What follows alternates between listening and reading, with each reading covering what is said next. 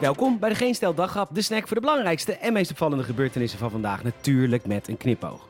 Met vandaag Willem Engel, zo gek nog niet, Jansen uit de roulatie en zeg maar gedag tegen uw wilde huisdier. Mijn naam is Peter Bouwman en dit is het nieuws van woensdag 2 juni.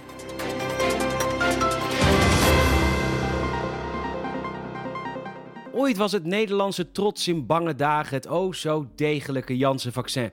Inmiddels is het een Amerikaans wanproduct van Johnson Johnson en de Gezondheidsraad heeft geadviseerd ermee te stoppen. Hugo de Jonge neemt dat advies over en dat betekent dat vanaf nu iedereen twee prikken krijgt van Pfizer of Moderna.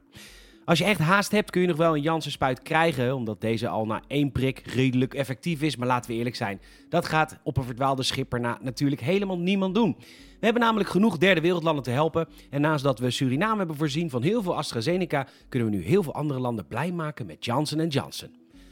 Als ze het willen hebben. Ik wist het, ik wist het. Die Willem Engel, die dansschoolleraar, spreekt gewoon met twee woorden. Ik bedoel, hoe kan zo'n man een wappie zijn? En natuurlijk weet ik, iedereen kan een wappie zijn, maar toch voelde het bij Willem al een beetje vreemd. En nu weten we waarom. Hij heeft hetzelfde gedaan als Siewert van Linden. Maar waar Siewert een overheid vond die als een wappie onnoemelijk veel geld spendeerde aan vuilbare mondkapjes, zo vond Willem mensen die als een wappie geld spendeerden aan vuilbare theorieën. Willem heeft zijn dansschool moeten sluiten, zocht wat centjes en wist hij veel dat zoveel mensen zijn clubje viruswaarheid zouden ondersteunen. Elke week een rechtszaak en nog hield hij geld over. En dus heeft hij van 50.000 gedoneerde euro's een lekker mooi lapje grond gekocht in Spanje. Heerlijk toch, Spanje?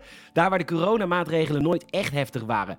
Goed gedaan, Willem. Leegtrekken die gekken. Snel je vaccinatie scoren, uit de financiële misère en lekker in Spanje wonen. En als je straks een kopje suiker in een mondkapje wilt lenen, die hele, hele grote villa daar verderop in de straat, daar woont Siewert. Die heeft vast nog wat voor je over.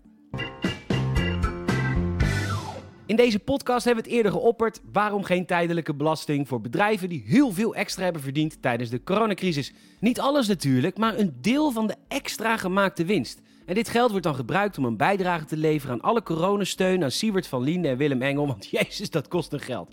Sieverts bijna oud-partij CDA wil nu precies dit: dat supermarkten, bouwmarkten, webwinkels en tuincentra een extra tijdelijke belasting gaan betalen de komende jaren, maximaal twee jaar.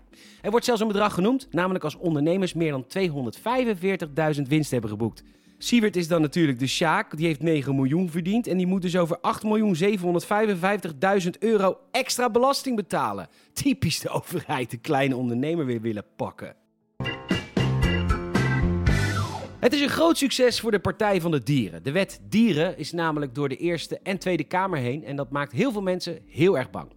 De wet is namelijk nogal ruim van opzet met zinnen als het zal niet langer zijn toegestaan om dieren te houden in een huisvestingssysteem dat hen permanent de mogelijkheid ontneemt om hun natuurlijke gedrag te vertonen.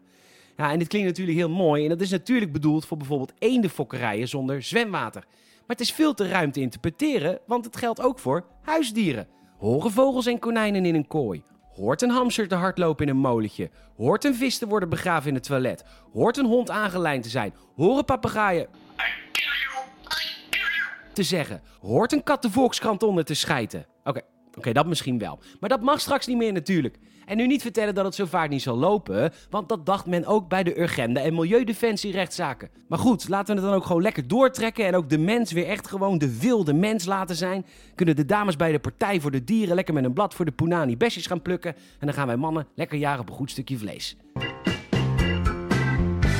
Opvallend onderzoek vanuit Israël en Amerika. Zij hebben namelijk een bepaald eiwit geboost in muizen, waardoor ze nu 23% langer leven. Niet alleen hadden ze een langer leven voor zich, ook werden ze sneller en minder vatbaar voor kankers. Volgens HLN hopen de onderzoekers dat deze techniek binnen 2 tot 3 jaar ook op mensen toe te passen. Het draait allemaal om het eiwit SIRT 6 en als dit bij mensen succesvol wordt toegepast, dan worden we straks gemiddeld 120 jaar. Alsof we daarop zitten te wachten. Een pensioenleeftijd van 90, jarenlang extra gelul van Willem Engel, een derde terugkeer van ABBA en zes extra kabinetten Rutte. Bedankt voor het luisteren en je zou ons enorm helpen. Als je een vriend of vriendin vertelt over deze podcast en ook een Apple Podcast review, zouden we enorm waarderen. Nogmaals bedankt voor het luisteren. Tot morgen. Hè.